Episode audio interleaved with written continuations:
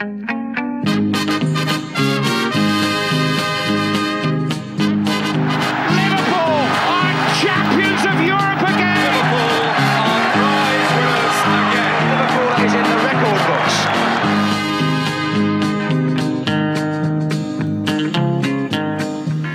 Hallå, hallå! Det är måndag och det betyder ett helt nytt avsnitt med LFC-podden. Eh, vi sitter här den 14 augusti med hela 17 dagar kvar av transferfönstret där massvis kan hända i båda riktningarna. Massvis har redan hänt och vi ska självklart gå igenom det alltihop här under kvällen. Eh, Fredrik Eifors heter jag och eh, har ikväll med mig som förra veckan Karl Sundqvist och Christian Andersson. Hur är det att vara Liverpool-supporters i Söderhamn idag, Kalle? Är det något speciellt? Eller någon skillnad från förra veckan? Nej, det är väl eh, som vanligt. Eh, är väl den spontana känslan. Eh, Som vanligt, ja. Vad det, vad Alltid- det betyder. Ja, det brukar ju. Det är alltid hoppfullt till, tills man når en viss gräns och den gränsen nådde man väl i, i, i lördag. Så att allt är väl i sin ordning egentligen. ja. Är, är det ungefär likadant hos dig, Krill, också? Eller känns det som att det är på bättringsvägen från i lördags? Ja, eh, jag vet inte. Det känns nästan precis som Karl sa att man har typ det är en slags vana. Så att även om det var skit då så har man nästan i alla fall så smått kommit över det redan bara för man känner bara ah, typ. Man, man, man är så van med, eh, med sånt här nu så att det, liksom, det tar inte på en på samma sätt. Man, eh, man är liksom van med detta, man eh, växte upp med det på något sätt. Så att det, det tar inte lika hårt känns det som. Men det, vi får väl se. Säsongen har ju precis bara börjat så att vi, vi har nog en hel del avsnitt som vi kommer må ungefär liknande som vi gör nu kan vi väl säga. Ehm, som sagt, vi har extremt mycket att prata om idag, fått mycket frågor framför allt, men vi kommer ta det i, i, ja, under kvällens gång. Så att eh, det kommer vi eh, inte missa någonting. Men jag tänkte först innan bara vi kör igång här killar att vi två grejer som vi det kan vara rätt bra att ta upp. Och det är ju det som händer till lördag nu då den 19 augusti. Att vi har Eh, podden här är ju Liverpool Masters på Degerfors Golfklubb som anordnas av golfklubbens VD Tommy Karlsson som då självklart är ett stort Liverpool-fan. Och eh, Kalle, du, eh, du kommer vara på plats på den här, eh, jag vet inte om du kommer spela någon golf, men du kommer vara på plats i alla fall. Vad är det som kommer hända där? Ja, ingen golf den här gången. Jag, spelar, jag spelar ju golf till vardags men lämnar klubborna hemma den här gången och åker ner till, till Degerfors med Christian och Robin blir det faktiskt Mm, den här så. gången. Eh, tanken är väl att vi ska vara där, eventuellt titta på lite förhoppningsvis fin golf. Titta, se matchen i, med likasinnade där och kanske ta någon eh, kanske ta någon öl till matchen i, i Degerfors där. Så att, eh, jag tror det kommer bli jävligt kul. Eh, I veckan fanns åtminstone platser kvar för de som skulle vara intresserade av att åka dit. Jag vet inte hur det är nu men eh, in och kika om det finns biljetter kvar och slå beslag på dem alltså. Ja, E3 vill man ju, det kan jag ju liksom skriva på att E3 vill man ju umgås med under en hel, under en hel helg. Så att det, det, det tycker jag definitivt låter som en bra idé i alla fall. Och samtidigt lite längre ner i det avlånga landet och lite mer exakt i Malmö faktiskt så kommer det även vara en storträff syd där fans från eh, ja, hela, alla städer egentligen är välkomna för att käka gött på Lerus och umgås. Så att även där finns det information att gå in och kika på. Så att det händer rätt mycket nu under eh, ja, starten av säsongen. Så att eh, in på lse.nu och det kommer även vi twittra ut på vår Twitter om vad som kommer hända. Så att håll utkik där kära lyssnare så kommer ni inte missa någonting. Ja, då var det avklarat. Då ska vi väl ta och diskutera det som som sagt hände i lördags. Vi tre satt ju förra veckan och snackade upp just den här premiärmatchen mot Watford och nu sitter vi här 48 timmar senare och har en eh, 3-3 match att diskutera. Så att eh, någon av er får gärna svara på den här frågan om ni har ett svar. Men rent spontant så är väl känslan att man på något sätt kan förutspå den här säsongen efter den här inledningen. För det är ju trots allt samma visa, samma problem och ja, samma Liverpool utan lösningar av de här problemen. Ja, det är ju ett problem med de här fasta situationerna som återigen spökar och det känns ju som att det har hängt i nu. Eh, ett antal säsonger redan under Brendan Rodgers tid hade vi problem med det. Så att eh, det följer samma ja, det är samma visa helt enkelt. Det känns ju inte som att det är någonting. Visst, det är en match som har gått men det man ser av det känns ju inte som att det har förbättrats någonting eller att man har lärt sig läxan. För eh, vi släpper in de här målen precis på samma sätt som vi gjorde under förra säsongen och säsongen innan dess egentligen. Faktiskt. Mm. Alltså det är ju lite statistik man kan kika på det är att av de här topp 6-lagen som vi får räkna in oss så har vi släppt in av de lagen flest mål sen Klopp tog över. Alltså det gäller 82 mål av varav 27 har varit på fasta situationer och det är, det är ju till och med näst sämst i ligan Kalle och på det vinner man ju faktiskt inga titlar så stora frågan är väl som alla ställer sig vad, vad är det som händer egentligen och hur kan detta liksom som en storklubb som Liverpool hur, hur kan detta pågå under en så lång period? Ja, det, det har ju förblivit en gåta egentligen hur, hur det får gå till så här. Ehm, jag upplever många gånger att det är givetvis att motståndarlagen vet, det är ingen hemlighet att Liverpool är dålig på defensiva fasta situationer. Ehm, många lag söker de, de situationerna samtidigt som vi vet långt där inne, mycket är ju mentalt också. Ehm, att vi är dåliga på defensiva fasta, eller defensiva fasta situationer. Vad som egentligen går fel, det är många gånger tycker jag att de spelarna som man vid en första anblick kan tycka vara bra på, på de här situationerna. Till exempel Lovren och Matip typ bör vara bra på de här men de blir ofta bolltittande. Eh, och då hamnar det ibland i knät på sådana som Firmino som som vi kunde se i helgen mot Watford. Ehm, där tyckte jag från början att det var Lovren egentligen som det såg ut som hade, hade ehm, Watfords eh, striker där. Eh, sen tappar han bort honom och så hamnar han i knät på Firmino. Så att många gånger tycker jag att vi, vi blir alldeles för bolltittande och det skapar så mycket tid och ytor för motståndarna så att det, det faller oss i knät varenda gång känns det som. Ja, alltså det är ju just det här, vi har ju pratat om detta, vi skulle säkert haft en podd 2008, 2009 så hade vi nog pratat om samma sak för det var väl där det känns som att det på något sätt börjar pratas rätt mycket om det här med zonspel och man marking för det är ju zonspel som Liverpool har valt att köra på. Vi har kört under flera år och det är, det är väl egentligen det absolut tydligaste exemplet på hur, en, hur man tar sig förbi ett zonspel när du har spelare som blir sådär bolltittande Krille att det det, det, det är så enkelt om du är farlig på fasta situationer att göra mål på sådana chanser för det är ingen som riktigt följer efter dig och har du inte, står du på, på hälarna så då kommer du släppa in mål känns det som. Ja, det är just det. Är du inte riktigt med när du kör zonspel och det blir en stor rörelse i boxen så är det ju faktiskt lätt att du tappar en... en ja, att, att, du tappar, eh, en, att en zon blir tappad och att en spelare tar sig in och faktiskt får ett sånt läge. Eh, och jag vet inte riktigt om det just med problemet kring det eh, när det kommer till att eh, ja, man ska köra mm, man-man markering eller zonspel så men det, det, känns också, jag tycker att det fattas enligt mig väldigt mycket pondus i de här situationerna också. Det känns rätt så tafatt och då är ju inte saken bättre helt plötsligt att man låter en sån eh, striker nu då som är så fysisk få den här möjligheten liksom. så att för mig är det liksom ett större problem också rent mentalt känns det som. Mm. Ja. Vad känner ni då?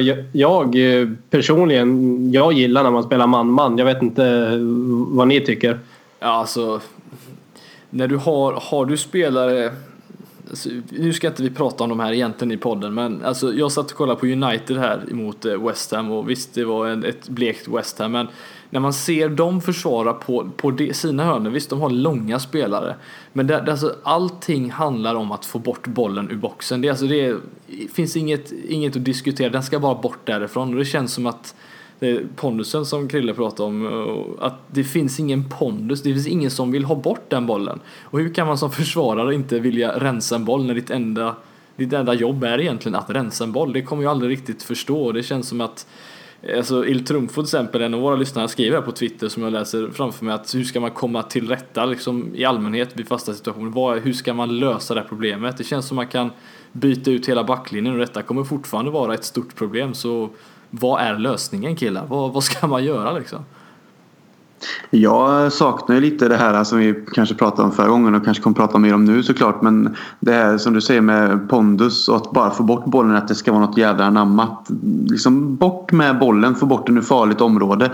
Och jag kan ju sakna det på det sättet som man kanske sett eh, spelare som Sami Hyppie, eh, även Skertel faktiskt. Alltså att det finns den här viljan att komma högst och nicka bort den här bollen. Jag tycker att det ser tafatt ut och då vet jag inte ens om man kan dra med zonspelet in i det utan då är det det mentala helt plötsligt. Att det känns som att det alltid blir farligt. Det känns som att ingen vill ta ansvar och det stör mig något fruktansvärt när man ser kanske som du ser andra lag där deras försvarare eller mittfältare som är långa liksom, det är liksom man hoppar högt, man går upp med tydlig liksom pondus att få bort den här bollen. Ofta så vinner man också för jag tyckte ett tag, särskilt i Premier League, att en höna var ingen målchans. Alltså jag tyckte att det blev färre och färre mål på, på hörnor för att eh, ja, försvarande lag är så pass bra på att eh, vara fysiska och ta bort bollen men Liverpool är faktiskt tvärtom. Eh, varje gång Liverpool får en höna mot sig så är det ju för fan att man sitter med hjärtat i halsgropen eller en frispark utanför boxen med för att eh, helt plötsligt bara helt tafatt och det är fan sorgligt att se. Mm. Men alltså om man tar, alltså vi pratar ju lite om, om det vi har nu, det är ju det vi får diskutera, alltså vilka spelare kan göra skillnad. Men vi har ju pratat tidigare om att förstärka just mittförsvaret och, och en van Dijk som vi har pratat om. Men om man slänger in honom i den här, om vi byter ut någon av de två vi har i mitt, mittförsvaret under den här matchen. Blir det fortfarande 3-3 i den här matchen eller kommer det bli någon stor skillnad? Eller vad, vad, liksom, vad ligger det stora problemet? Är det Klopp eller är det hur han ställer upp försvarsmässigt? Det är inte bara nu då på fasta situationer utan eh, det är ju det är kontringar som, som vi åker på ganska ordentligt med en väldigt hög backlinje och ytterbackar som ligger nästan som winger. Så att skulle van Dijk bara gå in och se till att vi håller nollan i en sån här match eller är, är det fortfarande problemet, eh, kvarstår det så att säga? Det där är ju ganska intressant. Vi kunde ju se i helgen um, i studion faktiskt när Carragher och uh, Jamie Redknapp diskuterade ja, det där. Just det, de satt och bråkade lite. ja, det, det vart ganska hett där och de diskuterade ju huruvida till exempel en sån som van Dijk, du nämner honom också, om han skulle förbättra vårt försvar på de här situationerna. Carragher hävdade ju att han inte skulle göra det. Uh, medan uh, Jamie Redknapp starkt eh, argumenterade för att det, det var givet att en sån spelare som, som eh, van Dijk skulle gå in och förstärka försvaret uppenbart. Och det, det tycker jag också. Samtidigt förstår jag lite grann eh, Carragers tankesätt för han lägger ändå lite det där på Klopp också. Eh, delvis är det ju en taktisk grej men sen är det ju ingen hemlighet att van Dijk är bra på huvudet och, och skulle rensa bort många bollar. Eh, sen kanske inte han skulle vara räddningen i just den här matchen på vissa situationer. Men eh, i det långa loppet så tror jag absolut att han skulle förstärka eh, vårt försvar på framförallt defensiva och fasta situationer. Sen, sen, tror jag också lite så att han är ju en ledare. Jag menar han har ändå varit kapten i SA-15 och det krävs som jag tycker någon som manar på de andra också i sådana här situationer. Alltså, liksom, som Carragher egentligen som kan skrika lite och vara den som tar ansvaret. Det behöver inte vara speciellt den spelaren som får möjlighet att ta bort bollen även om det i och för sig är positivt om en sån som van Dijk kommer upp och får nicka bort en boll eftersom att han är så stor. Men det är just att man taggar igång de andra. Att man får dem att stå på tårna genom att skrika liksom och vara på och vara en ledare. Och det tycker jag att vi saknar rätt så mycket i den här matchen överlag som var liksom att eh, ledarskapet på planen kändes eh, bortblåst egentligen. Mm. Ja. Känslan är ibland, jag får känslan ibland att, att spelare känner att man vill inte vara den som förstör. Det, det, det, lite den känslan får jag ibland. Att man håller sig undan för att inte vara syndabocken istället för att verkligen vilja vara den den som får bort bollen. Eh, att rädslan att eh, rädslan att förlora situationen är större än viljan att vinna den tycker jag att känslan är ibland. Jag vet inte. Nej, det, men det håller jag med om och det, det är en ganska intressant mening du säger där. Alltså för att det, det är ju precis så som det är det man vill bort ifrån. Man vill ju ha spelare som, som, som vill vinna till, till minsta, liksom till allting egentligen. Och det kommer göra att du kommer förlora någon gång och göra ett misstag men det betyder ju kanske större chans då att du faktiskt lyckas längre fram i din karriär eller i livet vilket känns som att det är ju det fotbollsspelarna borde satsa på. Det är det jag tycker är lite underligt just den som Kalle eller som Krille säger med ledaregenskaper just som i den här truppen för att Eh, Henderson bör ju inte ha kollat sin Twitter efter den matchen med tanke på hur, hur han presterade under, under den här matchen. Det känns som att det finns ingen, det finns ingen, eh, det finns ingen kämpaglöd, det är ingen som liksom tar upp spelarna i kragen och säger vad fan sysslar med mig utan det känns som att det är, det är ingen som vill dra på sig någonting utan alla vill bara vara i skuggan och det är ett ganska jag vet inte om ni håller med där heller men det känns som att det är, det är ingen, eh, ingen vill ta på sig skiten och ingen vill ta oss framåt på något sätt. Det känns som att ja, jag vet inte. Det är, det är inget, inget sunt sätt att börja en säsong på om man säger så. Nej, jag håller med dig där just det här som Henderson då som var, jag tyckte han var sämst på planen egentligen. Han slog några fina bollar visst, han fick lite tid men sett till mittfältsspelet sen så var han ju alltid, hela mittfältet var egentligen tvåa. Det, vi vann ju liksom aldrig några andra bollar heller och Henderson hade ingen bra dag överhuvudtaget. Eh, sen kan spelare ha en dålig dag, det kanske inte klickar i spelet, det är jag helt okej okay med men det är inte okej okay med att han som kapten då inte på något annat sätt driver på sitt lag. Att han först och främst kanske då försöker ta sig själv i kragen och det kanske han gör försöker, alltså, spelmässigt. Men när andra spelare också helt liksom visar att det inte riktigt Alltså det, det, finns ingen vilja där och att det inte blir så som man vill. Då tycker jag att en, en, en ledare ska liksom skrika på dem. Alltså få igång adrenalinet. För om, jag vet ju själv, jag har inte spelat fotboll på hög nivå. Men spelar jag på skoj fast jag är en vinnarskalle om någon skriker på mig för att man, ja, man är lite lat i någon situation och inte tar sin position eller vad som helst eller jagar efter. Det får ju mig att pumpa igång. Alltså, så att jag tänker varför gör man inte det som proffs? Jag saknar just Carragher. Jag vet jag, jag twittrar lite i någon eh, tråd där med de här eh, eh, Liverpool-kontona som finns där på Twitter. Just det här att vi, vi saknar ledare i laget. Man tror att de finns där men det är faktiskt inga naturliga ledare på det sättet. Och därför saknar jag... Gerard är ett unikum på det sättet. För han kunde leda genom att göra magiska saker på fotbollsplanen. För han var en sån stor eh, talang liksom. Eh, och kunde liksom driva på sitt lag genom att helt plötsligt slå in en boll eller slå en passning som öppnade upp och det blev liksom vändning på matchen. Men Carragher var ju den som kunde skrika och gapa och verkligen och visa att det här är fan inte okej. Okay. Nu får ni fan skärpa er och även sig själv i det här fallet. Men ingen tar tag i det. Varken Henderson som kapten. Det är ingen utav mittbackarna som någon gång brukar vara en ledargestalt. Du har Emre Can som springer omkring också. En stor fysisk spelare som brukar kunna kännas som en pådrivare. Men jag får ingen känsla av att någon överhuvudtaget tar den här rollen och det känns nästan som hela laget är lite dött. Och det frustrerar mig jättemycket när inte spelet klickar. Då måste fan någon ta ansvaret, stiga fram och kaptenen i det här fallet och visa att nu är det fan inte okej okay, för det här är liksom Liverpool fotbollsklubb och inget annat liksom. Mm. Men det är så, person, jag tycker ju nästan att visst vi försvarade ju tafatt väldigt många gånger och framförallt vi tänker ju främst vid 2-0 mål eller vid, eh, eh, vid deras andra mål. Eh, alltså just att matchen förlorades ju nästan på mittfältet snarare än, än på försvaret för det var innan där som vi var liksom väldigt öppna och det var felpassningar här och där. Jag tror vi, vad hamnade vi på en 74% passningsprocent. Det är ju liksom ett av de sämre eh, på senare tid som Liverpool har haft och det är inget tempo, ingen det är väldigt statiskt där Kalle. Jag vet inte, alltså mittfältet, förlorar vi så mycket när vi inte har en playmaker? Ser vi så gråa ut som, som vi gör när Coutinho inte spelar på mittfältet? Ja, till, till viss del egentligen. Eh, eller tycker du vi förlorar matchen för att vi var allmänt, eller alltså kryssade eller tappade den här poängen för att vi var allmänt eh, dåliga försvarsmässigt? Eller var det liksom över hela plan? Jag, jag tycker ju att mittfältet var det som allting startade så där är ju Henderson en av tre så att säga. Ja, off offensivt gör vi, ju, gör vi ju en rätt bra match. Mané och Salah skapar ju en hel del chanser och Firmino tyckte jag också var bra. Uh, så att det håller jag med om. Vi tappade ganska mycket på mitten. Um, där på 2-1 målet tror jag det är Moreno som oh. är ute och snubblar lite grann. Och sen det målet är ju ren och skär otur egentligen. Typiskt Liverpool att släppa in ett sånt mål. Mm. Uh, men det där som Krille var inne på tidigare tycker jag är ganska intressant. Jag tror också det var efter 2-1 målet.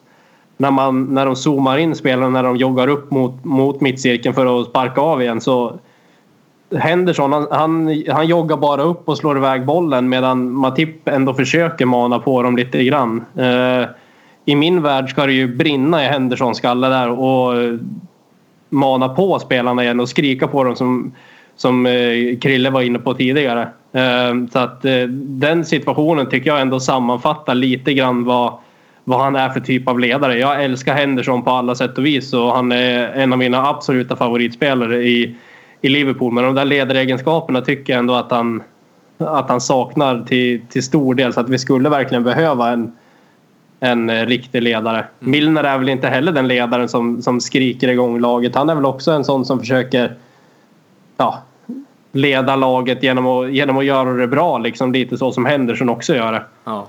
Um, men det är ju väldigt stor skillnad. Alltså, jag vet att jag har sagt detta tidigare en gång. Jag har fått sjukt mycket skit för det. Men jag står fortfarande för, för det. Just att, att jämföra Gerard. Alltså jag tycker inte Gerard är en, en ledare. Han är ju en lagkapten men inte en ledare. Carragher är ju en ledare. det är stor, väldigt stor skillnad på hur de har lett ett lag framåt på samma sätt. Gerard var ju den bästa spelaren men Carragher är ju han som liksom styr och det är lite det, man, Henderson är varken den bästa spelaren eller den största ledaren känns det som och det är ingen Det känns inte riktigt som den kombon jag skulle vilja ha som lagkapten för Liverpool för redan idag, jag vet inte om ni läste det när han fick frågan om det här med, vi kommer ju komma till Coutinho senare också som sagt, ni behöver inte vara lugna. Eller ni kan vara lugna snarare. Eh, att han säger att at the end of the day anything can happen, that happens has nothing to do with me. Alltså, det har ju med allt med honom att göra som lagkapten. Jag menar, Gerard fick ju Suarez att stanna en säsong på grund av att han var lagkapten och fick honom att ändra sig liksom. Men att han inte kan påverka någonting överhuvudtaget. Det känns som att han bara är en, en, en del i mängden. Det, känns, det är inte lagkaptenen man vill ha i Liverpool 2017 eller? Nej, så är det ju. Eh, sen eh, kanske inte Henderson har eh, samlat på sig den respekten som Gerard hade Nej, heller. Eh, är det, det känslan är väl att om det är någon som ska prata kvar Coutinho så är det väl Klopp egentligen. Eh, men, nej, men jag köper helt och hållet det du säger. Eh, jag tror mer att Gerard var ju en... Om vi ska gå tillbaka till honom så var väl han mer av en ledare i omklädningsrummet kanske och, och så medan Carragher mer styrde, styrde det på planen. Eh, och lite så kanske det är med Henderson också. Man, det har, man har ju hört en del från, från spelare som säger att Henderson är jättebra i omklädningsrummet innan match men den, han saknar ändå den här biten på, på planen. Det, det tycker jag också. Mm. Ja, det är ju som sagt, det är lätt att ta med sig det, det negativa. Det blir det ju trots allt en poäng. Det vi vände ändå ett... Jag trodde ju aldrig vi skulle ju vända först och främst och leda med, med 3-2. För det får vi ändå säga offensivt som du sa Kalle. Det fick man ändå se lite fina bitar. Så frågan är, finns det något positivt egentligen att ta med sig härifrån? Och vad i så fall känner att det här är någonting vi kan bygga på? Något som eh, ja, överträffar er förväntningar från den här matchen? Det är väl egentligen det som jag kanske tänker på är väl eh, just eh, Manés mål där och det spelet som är där. Alltså länken fram till att han avslut, till avslutet och målet. Det är sådär så där man vill se Liverpool spela när de har de här spelarna som de har. Alltså att de sammanlänkar, hittar eh, liksom, eh, passningar på en touch, eh, vänder upp och så får in den här bollen på det här sättet och så att han då vinklar in den så. Det är ju oerhört positivt och vi har ju sett Liverpool kunna göra de här målen också. Men särskilt om man har Mané, Salah, Firmino där uppe så vet man att det kan bli åka av och lite lekstuga också. Men eh, jag har faktiskt svårt att se mycket annat som var positivt i den här matchen. För jag tyckte hela matchen var eh, rätt trög, dålig. Liverpool gjorde det inte bättre med de här fasta situationerna och att mittfältet var eh, så statiskt. Man märker att vi saknar både Coutinho och Lallana i de här positionerna där det är någon som kan gå båda vägarna och som har lite finess på det sättet. Eh, Wijnaldum, Henderson och Chan är ju för lika helt enkelt enligt mig. Eh, på det sättet också i sin spelstil och så. Eh, jag har svårt att ta med mig något mer positivt personligen förutom egentligen då Eh, Sala också då, eftersom han springer igenom och får straffen. Det är ju också ett tecken på hans snabbhet såklart att han är först. Att han når den är ju också någonting som vi kanske kommer ha en väldigt stor fördel över, eh, av. Eh, att både han och Mané kan komma i sådana situationer men annars så eh, tyvärr är det inte mycket jag tar med mig som är positivt förutom de två grejerna kanske. Mm. Vad, vad ligger på din lista Kalle? Är du, är du någonting du är supernöjd med eller är du, tänker du mest på hur, eh, hur fri eh, han fick vara och nicka in 1-0 målet där och köka? eller är det något annat du tar med dig? Ja, det ligger ju, det ligger ju kvar på Eller näthinnan. Men, deras eh, 3-3 mål kanske till och med? Ja, ja det, är- det är ju lite intressant tycker jag också att många hävdar ju att, att de hakar upp sig på en offside. Den, den skiter jag i egentligen. Bolljäveln ska bara bort därifrån. Det är inte Ja, ju- offsiden som är... det är ju nicken innan som inte går iväg som irriterar mig mer för det är ju den som Mm. sätter oss i skiten. Exakt. Det är inte, jag, jag hävdar inte att offsiden är problemet. Bolljäveln ska bara bort därifrån. Det, då uppstår inte den situationen. Sen, sen kan man diskutera om det var offside eller inte. Eh, Men jag delar väl Christians tankar där om att det var väl offensiven, framförallt Mané. Um, och, och det där målet, det är ju ett, eh, ett skolboksexempel egentligen på hur man kan luckra upp ett sånt där lite av ett sittande försvar. Uh, och det är ju in, individuell briljans som, som behövs många gånger för, för att lyckas låsa upp det där och det, det är ju han absolut en av de spelarna som kan bidra med.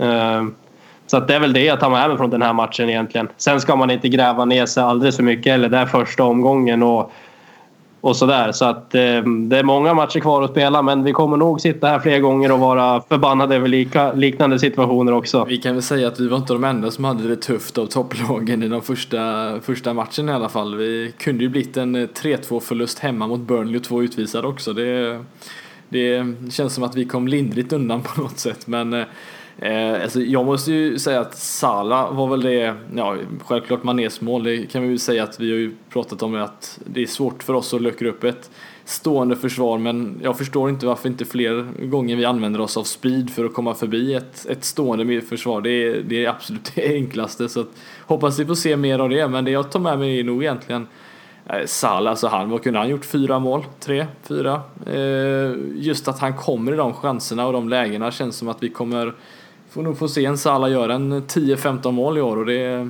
det kommer vi behöva för att det ska bli kul att se de tre där framme som sagt vid eh, under ett senare tillfälle om eh, vi står som jag sa förra avsnittet att vi har tre, fyra spelare som ligger på 15 mål ungefär och då, då kan det se intressant ut längre fram.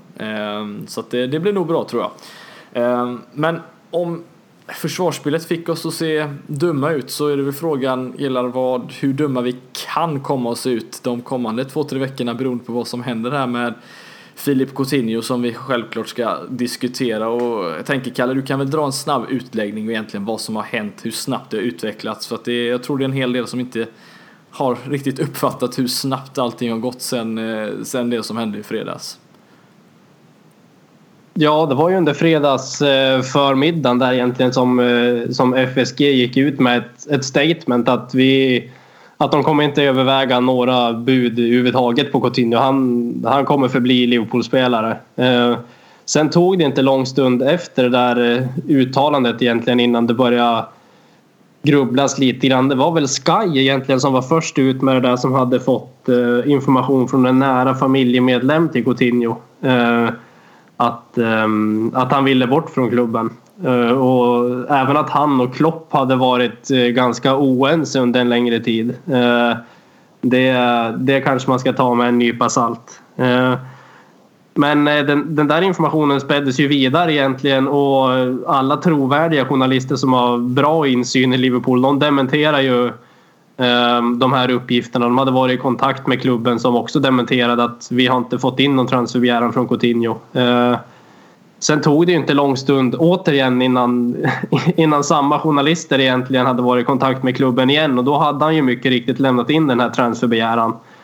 Um, via mail faktiskt ryktas det om. Det vet man ju inte om det är sant heller. Uh, det, det kan väl jag tycka är lite att det är lite ynkigt gjort. Jag vet inte exakt hur det går till men eh, i, i, i min värld känns det som att man eh, Har du inte lämnat in en transfer request tidigare menar du? Du har aldrig nej, gjort det? Nej, det, det, det, kom, nej, det kommer nog. Jag har aldrig haft en, aldrig blivit signad så jag har aldrig behövt bråka mig bort. Nej. Nej men eh, det, det tycker jag är en ganska stor grej av det här egentligen. Ja, det är klart att det är en enorm grej att han har lämnat in den här transfer requesten och jag var väl den sista som trodde att han skulle göra det också. I mina ögon har han alltid varit en spelare som som ville ta sig bort ifrån klubben på ett bra sätt egentligen. Ehm, jag vet inte vad er känsla är kring hela soppan egentligen. Ja, vad, Krille, var, var vill du börja någonstans? jag hade ju den härliga känslan där jag ville bara när, vi, när det här hände att Eftersom att vi försöker connecta lite också med lyssnarna och sånt. Så via Instagram där körde jag ut lite videos där om det här att eh, FSK hade gått ut med statement och skulle liksom göra alla glada som kanske inte hade läst detta. Och sen bara vänder det ju liksom så här. Då får man ju gå ut direkt med en till. Bara, nu har det här hänt. Så jag satt ju också bara satt och förbannade mig själv och allt och klubben och Coutinho. Men eh, ja, det är en soppa och jag säger ju som Karl. Jag trodde ju också att Coutinho skulle ha en eh, Alltså, det känns som sagt som den personen och spelaren som om han vill gå så gör han det på rätt sätt. Liksom. Eh, lämnar inte in en transfer request utan det kanske finns då som vi, jag tror vi pratade om det senast också och jag kanske var den som nämnde det att det kanske finns ett, ett internt samtal där Eh, de har suttit ner och sagt att stannar du den här, vi kommer inte, liksom, vi kommer inte acceptera något bud och stannar du den här säsongen så har man ett muntligt avtal som säger att du får gå nästa säsong. Ungefär som man gjorde med Suarez när det var turbulent då men att man kanske skött detta på ett annat sätt. Men det visar sig nu att det var ju fel och att han då skickar enligt rykten ett mail då och inte vågar klampa in hos Klopp eh, och se honom i ögonen i så fall och säga det här. Nu vet vi inte men det får ju också det till att låta lite, lite pojkaktigt och töntigt tycker jag och det förlorar ju Coutinho lite respekten i mina ögon. För det har alltid som sagt känts som att han varit en genuin person som någonstans uppskattat allting klubben har gjort för honom och så. så att eh, Nej, det, mm, jag vet inte. Eh, vi får se vad som sker men jag tror inte att han är Liverpool-spelare som sagt när fönstret stänger. Det vore väldigt konstigt i mina ögon. Men att, att, att en klubb med Liverpools, alltså den storleken på klubben kan under ett och samma fönster be om ursäkt för att ha, ha olagligt liksom försökt ta kontakt med en spelare och därefter liksom avsluta sitt intresse till att sedan lägga ut att vi kommer inte sälja vår bästa spelare och sen potentiellt då kan sälja den här spelaren. Alltså hur, hur, alltså hur kommer världen se på Liverpool Football Club om det här liksom går igenom? Vi får ingen van Dijk och att Coutinho lämnar. Det känns ju som att det är lika bra att lägga ner verksamheten. Alltså det är ju eh, det, alltså det är ju pinsamt alltså. Det är, hur, hur, kan, hur kan det här gå till? Ja, det är ju... Ja, det, är, det är, liksom, det är inte bara en grej, det är två grejer. Alltså två rätt stora grejer ändå som, som ja. händer. Ja, alltså det är ju det är ju otroligt skrämmande egentligen det du säger. Man tror ju nästan inte att det är sant egentligen. Uh, nu ska vi inte gå händelserna i förväg. Vi vet ju inte hur det här kommer sluta heller. Uh, men om så blir fallet att Coutinho skulle gå, att vi säljer honom och att vi inte skulle värva in van Dijk så är det ju ett enormt fiasko. Då eh, ska ju alla som sitter på beslutsfattande positioner kliva av på en gång. De ska ju ta sig en riktig titt i spegeln för att ja, lag, lag runt omkring oss kommer ju tappa trovärdigheten för Liverpool. De kommer ju inte vi kommer ju sätta oss i en jättedålig position för framtida förhandlingar. Spelare kommer titta lite snett när de kanske överväger alternativ mellan Liverpool och en annan klubb. Så att det kommer ju bara vara negativa konsekvenser av det här om det nu blir så. Eh, nu är det ju ingenting som är klart än som sagt men ehm, det ser ju onekligen mörkt ut. Men Barcelona gick ju idag till exempel och har ju signat Paulinho från eh, ja, något kinesisk klubb men tidigare Tottenham-spelaren i alla fall och det, det är ju en, en mittfältare. Eh, tar vi någonting utifrån det att eh, Barcelona inte kommer värva till mittfältare eller tror ni fortfarande att det är en, eh, en Neymar-ersättare? Nu tror inte jag själv det men eh, liksom att de går och köper Paulinho bara sådär det känns som att det är möjligtvis är så att de har fått besked att det inte kommer bli av ändå. Paulinho läste jag rykten om till Barcelona redan tidigare innan det här med Coutinho-härvan drog igång. Så det kanske de ändå har sett att de behöver någon av hans typ. Men det jag läste idag också. Alltså, allting som man läser, man, man vet ju aldrig hur man ska ta det. Man ja, man läser en hel del och allting är fan bara... Man kan ju bara sluta läsa egentligen för man blir bara dum i huvudet. Men man läser ändå och det jag läste var liksom att Barcelona egentligen som klubb inte mår så bra heller. Eh, att det skulle finnas lite intriger med Messi. Man förlorade mot Real Madrid nu. Det ska vara att man låter Neymar gå. Eh, och att man helt enkelt måste värva en spelare som har potential att bli en... Alltså som Coutinho ändå är en världsspelare. Kanske inte på den där... Alltså det finns en liten fin balansgång där. Han är ju en världsspelare men kanske inte på den absoluta toppen av världsspelare där vi ser de här Messi, Ronaldo, Suarez. Han är inget varumärke på samma sätt som de andra. Nej, in, inte ännu men att de kanske liksom har pressen på sig att verkligen göra en sån här värvning, visa fansen och klubben och de som faktiskt spelarna som är där nu att vi fortsätter satsa. Att vi inte bara släpper iväg sån som Neymar som bara egentligen är 25 år och är liksom en av världens bästa eh, i de positionerna han spelade i Barcelona. Liksom. Eh, Eh, så det, det, känns lite också som att det kan vara en sån här prestigevärvning för att eh, Barcelona som klubb inte mår så bra läste jag då. Men man vet ju aldrig. Så det kan ju vara att de trycker på igen. Och det ryktas om att de skulle nästan gå upp, upp mot en 130 miljoner pund för Coutinho och såna grejer. Och så som läget är nu så är jag med så att ta de här pengarna och så lös det. För jag, jag vill inte ha en spelare i Liverpool som inte eh, känner sig lycklig i, i, i klubben. Och visst, man kanske kan vända hans huvud likt man gjorde med Suarez. Men någonstans finns inte den här vinnarskallen på samma sätt som hos Suarez. Så jag tror att Suarez bara ställer in sig. Okej, okay, då kör vi på det här och så ger jag allt. Coutinho känns lite mer, eh, ja, mer pojkaktig och kanske inte lika mogen på det sättet om jag ska beskriva det så då. Just den känslan, personligheten de har. Mm. Så att eh, jag ser hellre att han, är det så här så ser jag hellre ta pengarna och, eh, och så får han försvinna och så får vi försöka ersätta så gott det går för stunden. Det är jävligt tråkigt och det kommer påverka oss men jag ser det nästan hellre så faktiskt. Ja, för Patrik Broström får jag säga, en av våra lyssnare skrev också en fråga här alltså, och för det är intressant vad man, nu vet ju inte vi heller, men liksom vad, vad tanken går, vart liksom, var går gränsen egentligen för, för ett bud som Liverpool inte kan tacka nej alternativt att de känner att nu men nu, det här kan vi liksom skita alltså 130 miljoner Alltså 1,3 miljarder för en spelare, det, det är ändå rätt mycket pengar men behöver verkligen Liverpool 1,3 miljarder in i kassan egentligen? Ja, ja det, det, det är ingenting man, man nej, tackar nej alltså, till så. Men alltså, du jag, kan, ersätta, kan du inte ersätta jag, den spelaren du inte får Champions League så är de pengarna absolut ingenting. För då kommer nej. du bara spendera det på två stycken eh, Jordan Hendersons eller Stuart Downing i framtiden. Då, det, det blir inte så bra då. Absolut, så är det. Och jag, jag delar helt eh, Christians tanke där med att man egentligen bör man inte ha kvar spelare som inte vill vara i klubben. Eh, Samtidigt skulle, skulle det bli nu så att Coutinho blir, blir kvar så kommer vi få ut en riktigt bra säsong av honom ändå. Det är ett fotbolls-VM nästa år.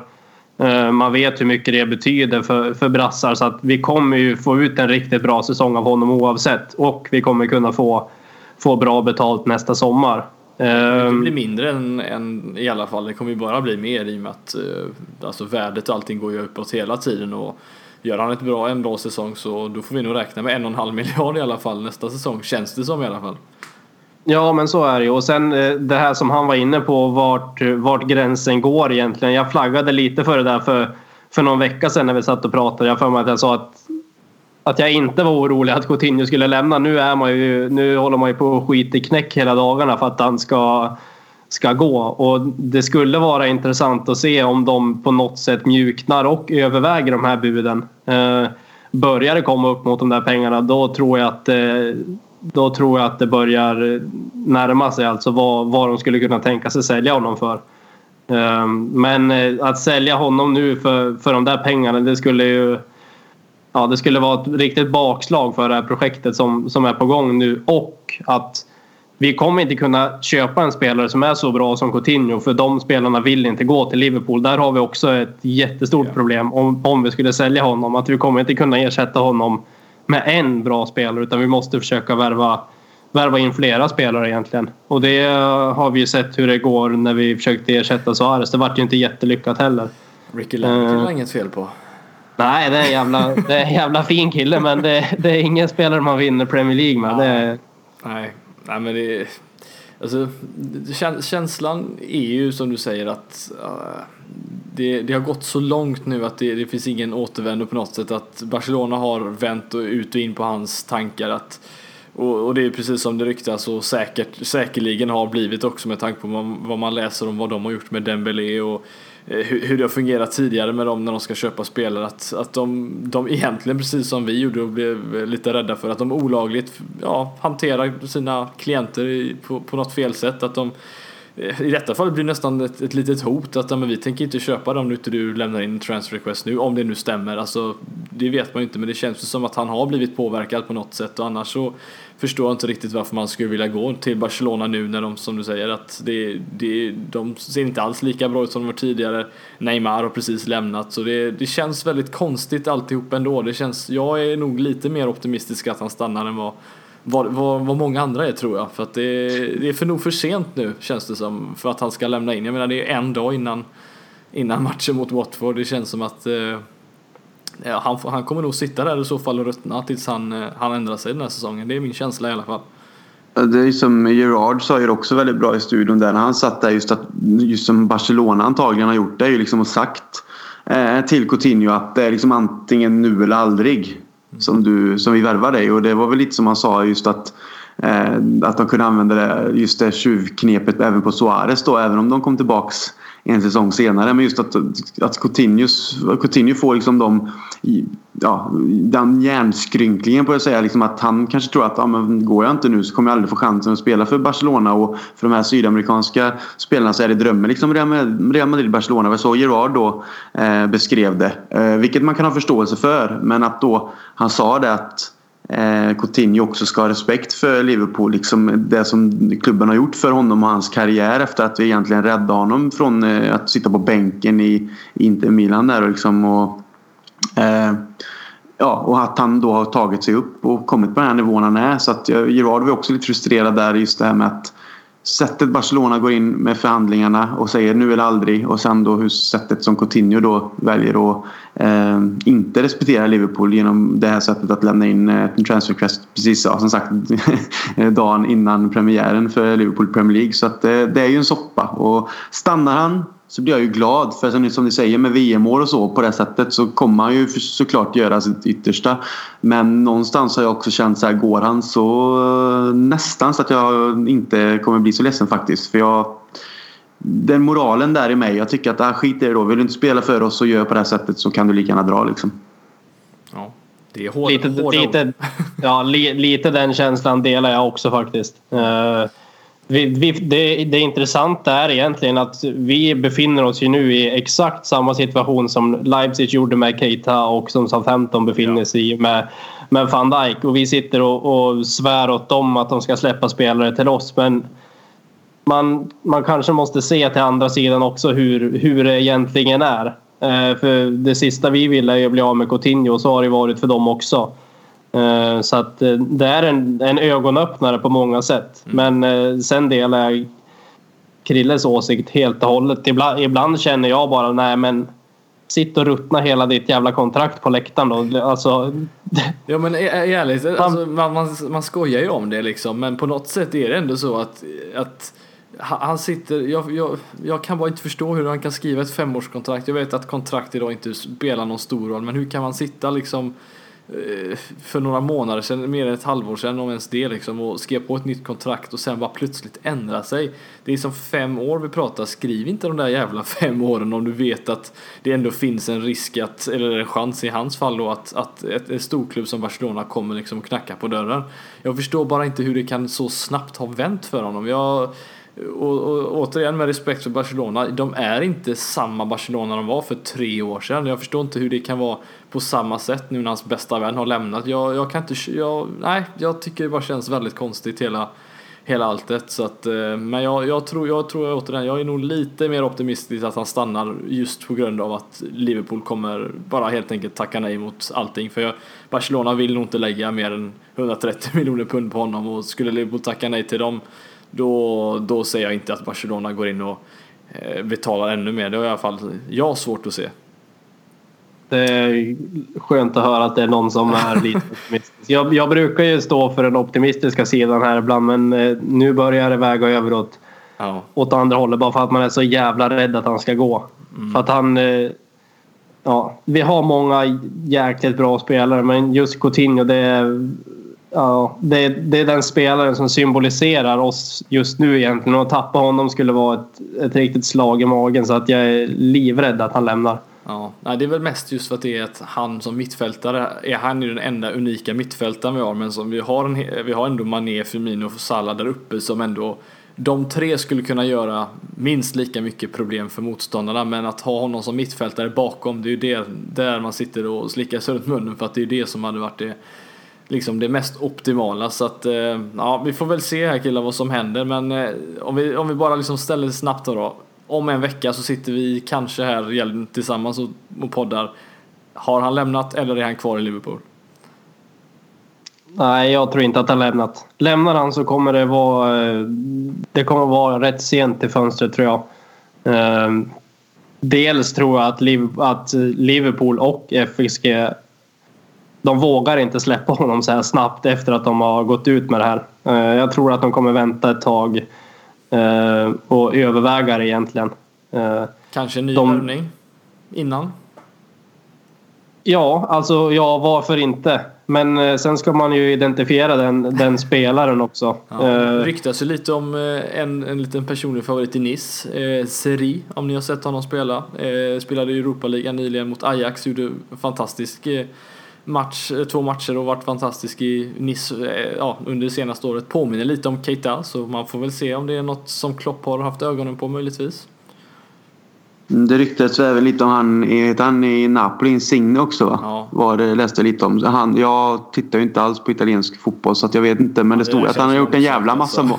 Ja men det stod att han har gjort en jäkla massa mål från mittfältet. Så man vet ju inte. Kanske leta efter någon som kan bidra med den här poängen. Någon som har lite den här Ja, men han, är kvaliteten. han är yttermittfältare så att... Eh, Ja, han är det? Okej, Ja. du ser. Så bra, så bra kollar Ja. jag. Liksom. Så, Nej men eh, nej, Ja. den, den känns väldigt långsökt på något sätt att, den, eh, att han skulle lämna Napoli men eh, Ja, nej jag tänker på, för att återgå till din fråga där. Ja, så, jag- om jag så säger jag som Karl egentligen. Jag tror att det blir en utdragen saga i så fall och att han lämnar i slutet. För att det är lite det att Eh, de skjuter sig ännu mer i fötterna FSG och klubben om det. Så att de bara, "Ja, men, ja, nu gick han och sen står vi här och inte har en aning. Utan det kan vara nog så att man identifierar mm, potentiella ersättare först och försöker få dem. Och vet man då att man har dem eh, kopplade till klubben så kanske det är lättare att låta Coutinho gå sen i slutet och att man låter Barca, Barca kanske mjölka ut lite mer pengar då. Så att det blir nog utdraget och en eh, lång ångest helt enkelt.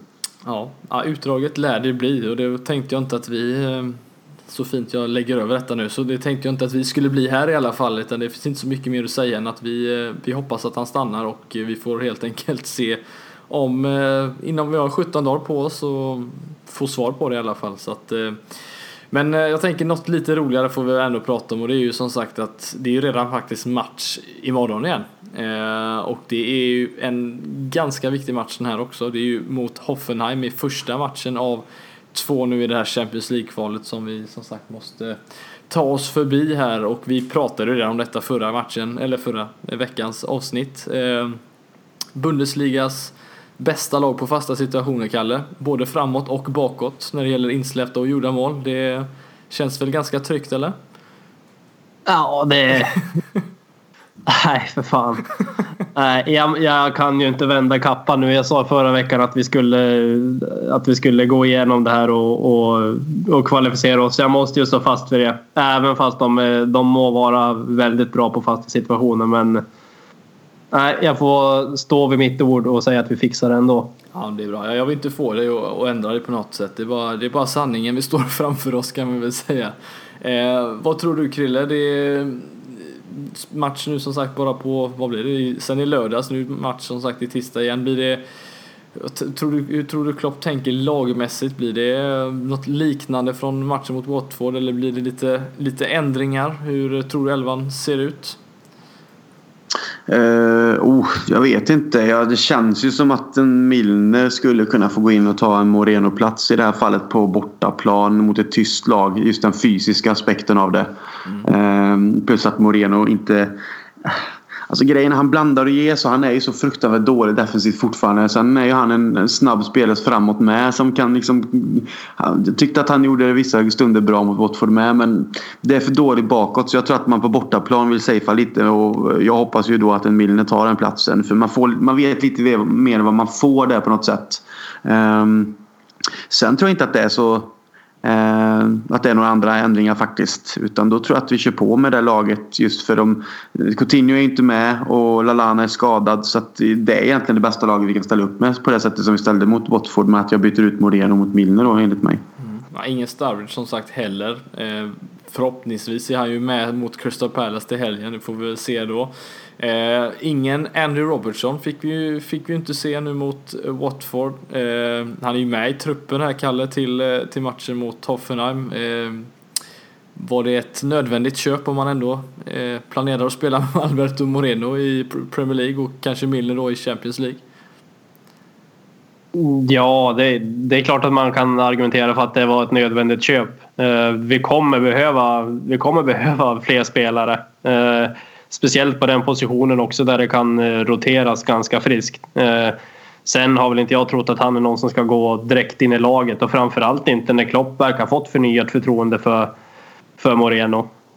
Men Moreno är väl inte den typen av spelare jag skulle vilja se i ett, i ett kval över två matcher. Eh, Främst inte på bortaplan. Då, då skulle jag också vilja se Milner faktiskt. Lite mer kontrollerande och det handlar egentligen bara om att få med sig ett resultat på bortaplan. Sen eh, har vi allting i egna händer inför, inför hemmamatchen. Mm. Eh, det låter enkelt men det, det kommer... Det, det är... Jag är livrädd efter det som Eidefors sa där att eh, Bundesligas bästa lag både defensivt och offensivt på fasta situationer. Vi är ju körda för fan. Nej, bakåt bryr man sig inte så mycket om, men att de är det bästa laget framåt. Det, Ja, sen, jo, sen är det ett men- annat typ av lag. De, de, är inte, de har ju inte ett, en, en Okaka som eh, liksom kan bulldoza sig genom varenda människa liksom, utan de har ju mer ett eh, de, har, de är inte lika storväxta som Watford är så det, det blir en annan typ av, av snarare kanske smarta än, än fysiska på det sättet. Så att, eh, Ja men ändå. Det- Det är ju liksom det är ju våran akilleshäl liksom. Det är ju fasta situationer. Så när du säger det sådär så är det bara så här, ja, kul match. jag är ledsen, man jag är ledsen att jag fick er så,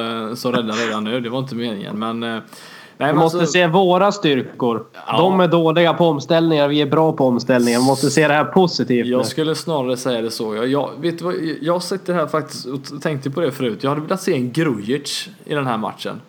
Eh, jag vet att han är lite oslipad men att sätta in en Grujic på mittfältet känns som att vi får det där som vi saknade mot Watford. Eh, det blir inte lika. ha- Han är ändå en spelare som kan gå in i boxen, eh, våga lite mer än vad Wijnaldum vågar. Eh, visst, han är lite rå och kan dra på sig lite fula frisparkar och sådär ibland. Men det känns som att vi hade behövt något lite annorlunda. Eller tror ni Klopp safear upp och kör ungefär så som Krille säger att det, det blir ungefär samma lag. Bara att vi får se en annan ytterback möjligtvis. Ja, jag tror nog att han tänker likadant. Jag förstår din tanke. Eh, samtidigt tycker jag att Grujic är lite... Ja, rå var ett bra ord. Han är, sen är han lite för tuff ibland. Eh, påminner lite grann om, om John Joe Shelby i vissa lägen. Och han, han visade ju hur dum bara han kan vara i helgen. Så att, nej, jag, jag hade nog lämnat han på bänken faktiskt. Ja, du vågar inte. Du vågar inte gå in med nio, nio, åtta eller nio man till och med så illa eh, som ja, Chelsea var val om nio i alla fall. Det känns som att eh, röda kort är inte vi vana att få i Liverpool. Vi är lite bortskämda med att eh, spela elva man ibland känns det som. Så att, eh, nej, vi, vi får väl se vad som händer. Det, det känns som att det blir ett, eh, ett liknande lag i alla fall. Eh, ingen Karius heller tror ni? Ni tror det blir Mignolet igen? Jag bara försöker få diskussionen att flöda här. Det känns som att Klopp kommer ha något eh, S i rockärmen. Det känns så. Ja, fall. nej, nej, det är väl han. Jag vet inte, jag tror inte han byter när Champions League utan han har ju gått ut och sagt att Mignolet är etta och det känns som att det vore väldigt konstigt att byta ut målvakt i en sån här match liksom som man ändå då någonstans ska bygga ett självförtroende hos och som är faktiskt då, då sen förra säsongen har varit bra så. Jag menar det som hände mot Watford kan man ju egentligen inte beskylla honom för så mycket så att eh, nej, det blir ingen Karius tror jag inte. Nej, inga, inga ögonbrynshöjare får vi väl. Det, det, det kan vi stå fast med då. Det känns Det är om, det är om Coutinho plötsligt finns med i startuppställningen. Eller Sako möjligtvis. Det, ja, vi får la se. Eh, nej, vi, vi, eh, vi kommer ju att prata om den här matchen som sagt om en vecka. Om ens det känns det som. Det kommer vara mycket nu som händer den här veckan. Men eh, en grej som inte kommer hända i alla fall det är ju att det kommer inte vara någon tipptävling inför Hoffenheim. Det, det körde vi slut oss redan mot Watford och det ska vi faktiskt säga att Mattias Elmgren får vi ge en klapp på axeln. Han var ensam vinnare och tippade 3-3. Det känns som att du borde ja, ta efter honom Kalle när det kommer och att tippa på Liverpool-matcher framöver. Ja, känslan är det. Eh, en till vi ska klappa på axeln egentligen lite grann. Vi har ju dragit i, igång våran fantasyliga här. Just. Eh, med, en, eh, med en matchtröja i potten. Nästa säsongs matchtröja.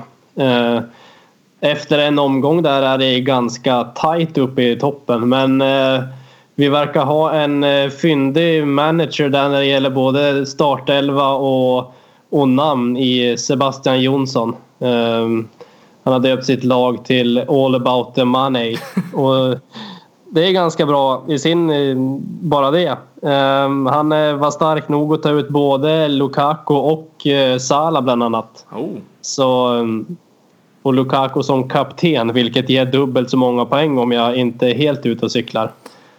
Ehm, Så att han, han förtjänar också en, en klapp på axeln. Så att eh, håll, eh, håll era lag vid liv. Än är det inte kört likväl som det är för Liverpool utan det är en lång säsong så att eh, det är bara att kriga på. Ja, nej men det är fantastiskt. Det är, det är kul när det händer lite grejer, inte bara på, på planen utan även vid sidan om.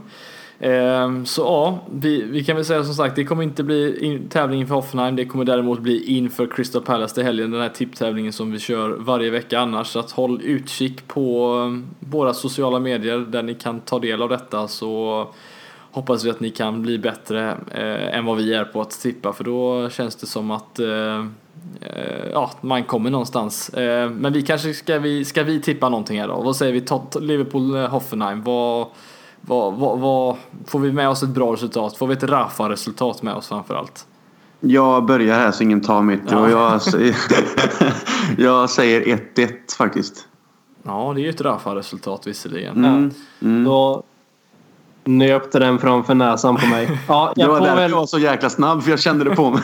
Jag förstår det. Ja, jag får väl eh, sträcka ut näsan och säga att vi tar det med 2-1 då. Ja, det var faktiskt vad jag tänkte också. Eh, men jag ska inte vara... Jag ska inte Då är det bara sån. 1-0 kvar. Ja, jag tar 1-0 till Liverpool. Eh, jag tror vi håller nollan för en gångs skull. Det är känslan i alla fall. Eh, men vi får se vem som har rätt. Det, Det sjuka är att du tippar och säger så. Att 1-0 till Liverpool och att vi, vi håller nollan för en gångs skull. Men vi vet ju typ att vi faktiskt aldrig gör det. Så det är det som är... Men man det är det som är det sjuka. Att man ändå, ja, ja. Ja, ja, det är klart man får. Men jag vet förra säsongen med. Jag satt också här och ja, men jag, jag tror ändå på det. Och sen blir man ju lika besviken ändå. Så att, Ja, nej, vi, eh, vi, vi får helt enkelt se. Vi, ska, vi, vi, är inte, vi är inte kända för att vara bästa tipparna så att vi, eh, vi låter våra lyssnare göra det jobbet istället. Eh, ja, det var väl egentligen allt för den här gången killar. Vi, eh, ja, vi tackar väl för oss idag så eh, hörs vi alla om en vecka ungefär då. Eh, hej, Eller i helgen. Eller i helgen, Vi precis, just det. kan hålla utkik lite där i, i våra kanaler. Det kommer mest troligt dyka upp någonting där. Eh, lite grann från, från Degerfors, kanske något snack med någon Liverpool-supporter där som har varit ute och golfat lite grann. Så håll ögonen öppna på i våra kanaler så ska det nog kunna dyka upp lite smått och gott där också.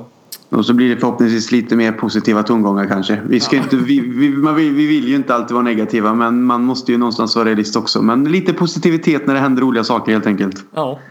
ja, med de orden så tackar vi väl för oss och så hörs vi till helgen och om en vecka ungefär. Ha det gött!